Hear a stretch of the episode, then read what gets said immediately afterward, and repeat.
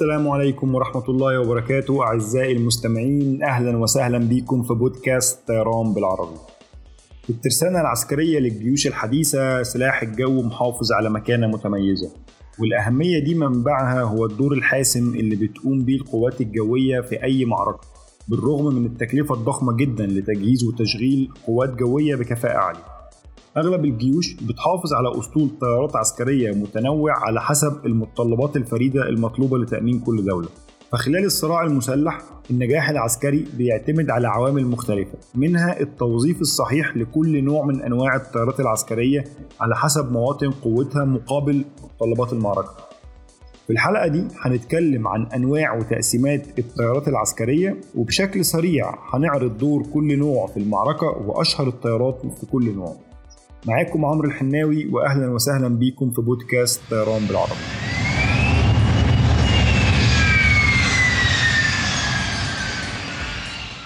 الحقيقة في تقسيمات كتيرة للطيارات العسكرية بتختلف حسب اختلاف هيكل الجيوش من الأساس. فمثلا الجيش الأمريكي عنده تقسيمات كتيرة جدا للطيارات على حسب هي في سلاح إيه أصلا. فالطيارات التابعة للقوات البحرية ليها تقسيمات مختلفة عن الطيارات التابعة للمشاة. ليها تقسيمات مختلفة عن الطيارات التابعة للقوات الجوية. لكن في العموم في تقسيم عام للطيارات العسكرية نقدر نفهم من خلاله دور الطيران في المعركة. والتقسيم الأشهر بيقسم الطيارات لنوعين رئيسيين تحتهم أنواع فرعية كتيرة. فالطيارة العسكرية هي يا إما طيارة مقاتلة أو طيارة غير مقاتلة أو combat أو non-combat aircraft والتقسيم ده بيسري على الطيارات الهليكوبتر أو الطيارات اللي بجناح ثابت. في الحلقة دي هنتكلم بشكل محدد عن الطيارات اللي بجناح ثابت المعروفة باسم ال fixed wing aircraft. النوع الأول من الطيارات هو الطيارات المقاتلة وهي طيارات مصممة علشان تقضي على أهداف العدو باستخدام ذخيرة حية. ودي بتنقسم لعدة أنواع. أول نوع منهم هو الطيارة المقاتلة أو ال fighter المصممة بشكل أساسي لمهام القتال الجوي ضد طيارات معادية. بتمتاز مش بس بتسليحها العالي لكن كمان بسرعتها وقدرتها العالية على المناورة الهدف الرئيسي للمقاتلات هو فرض السيادة الجوية فوق أرض المعركة أو ال air superiority وده المقصود بيه إن القوات الجوية تحقق فرض سيطرة جوية كاملة على الساحة وعلى القوات الجوية المعادية بشكل يسمح بنقل الإمدادات للقوات الأرضية المهاجمة وإسقاط قوات مظلية والقيام بمهام الشحن الجوي وقصف الأهداف الأرضية المعادية وغيرها من الأهداف العسكرية. ممكن الطيارة المقاتلة يكون ليها إمكانيات تانية زي مثلا إنها تكون طيارة مقاتلة اعتراضية ودي بتبقى في الأساس طيارة دفاعية هدفها الأساسي اعتراض الطيارات المهاجمة خصوصا القاذفات أو طيارات الاستطلاع. والحقيقة في تقسيمات تانية كتيرة للطيارات المقاتلة زي مثلا إن المقاتلة تبقى مقاتلة استطلاعية أو مقاتلة هجومية. وغيرها من التقسيمات. لكن حديثا بقت الطيارات المقاتلة طيارات متعددة المهام. يعني نفس الطيارة ممكن تكون طيارة سيادة جوية وطيارة قتال في جميع الأجواء مع إمكانات اعتراضية وقدرات تانية. ودي المعروفة باسم ال multirole fighter. طبعا أشهرهم في العالم حاليا هي المقاتلة الأسطورية متعددة المهام من الجيل الخامس ال F 35 Lightning والطيارة ال F 22 Raptor والمقاتلة الفرنسية من الجيل الرابع ال Rafale. والطيارة الأوروبية ال Eurofighter Typhoon وغيرهم زي ال F 16 وال F 18 رقم اتنين هي القاذفات ودي بتبقى طيارات ضخمة تقيلة وقدرتها على المناورة أقل بكتير جدا من المقاتلات متعددة المهام. لكن في المقابل هي قادرة تشيل كميات ضخمة جدا من القنابل والصواريخ وبتستخدم تقريبا بشكل حصري في الهجوم على الأهداف الأرضية والبحرية وإمكانياتها بتكون ضعيفة جدا في صد هجوم جوي من طيارات معادية في كمان نوع من القاذفات بيمتلك خصائص شبحية للهروب من أنظمة الدفاع الجوي وهي القاذفة الأمريكية الرهيبة ال B 2 Spirit والقاذفات دي بتكون يا إما قاذفات استراتيجية بعيدة المدى أو قاذفات تكتيكية قصيرة المدى.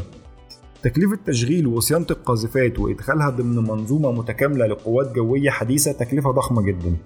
وده بيخلي وجود قاذفات هو حكر على تقريبا القوى العظمى فقط في العالم.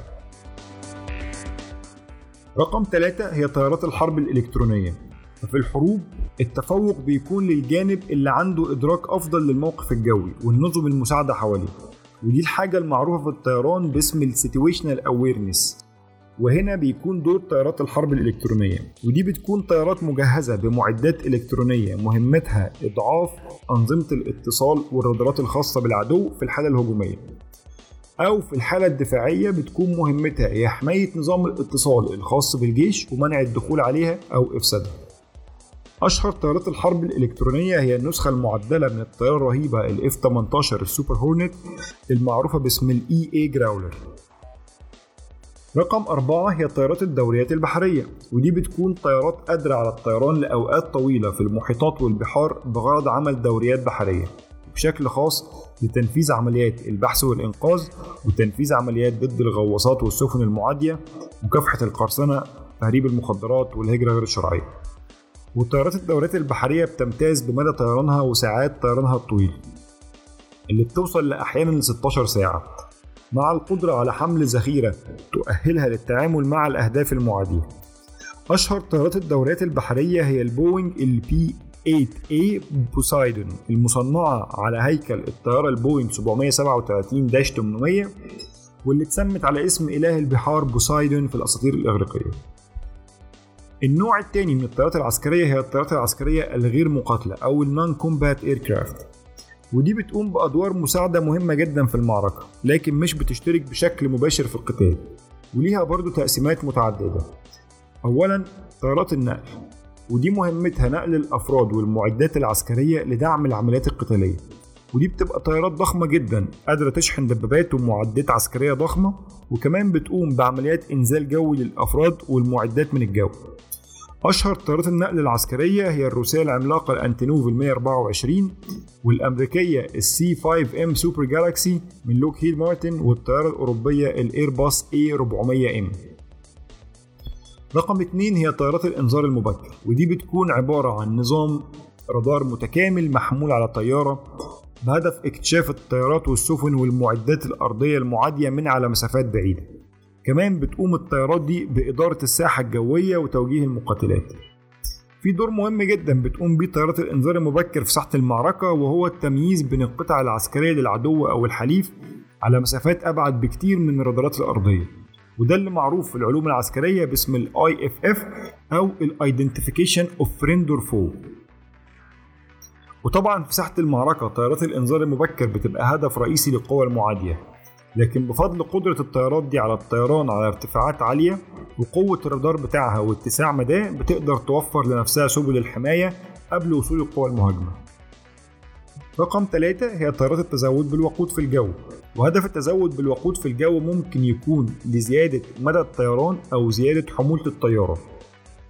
بمعنى إن الطيارة ليها حد أقصى للحمولة عند الإقلاع. فممكن قائد الطيارة يرى إن هو هياخد وقود أقل مقابل إن هو يزود حمولة الطيارة من الذخيرة. في المقابل هيتزود بالوقود في الجو.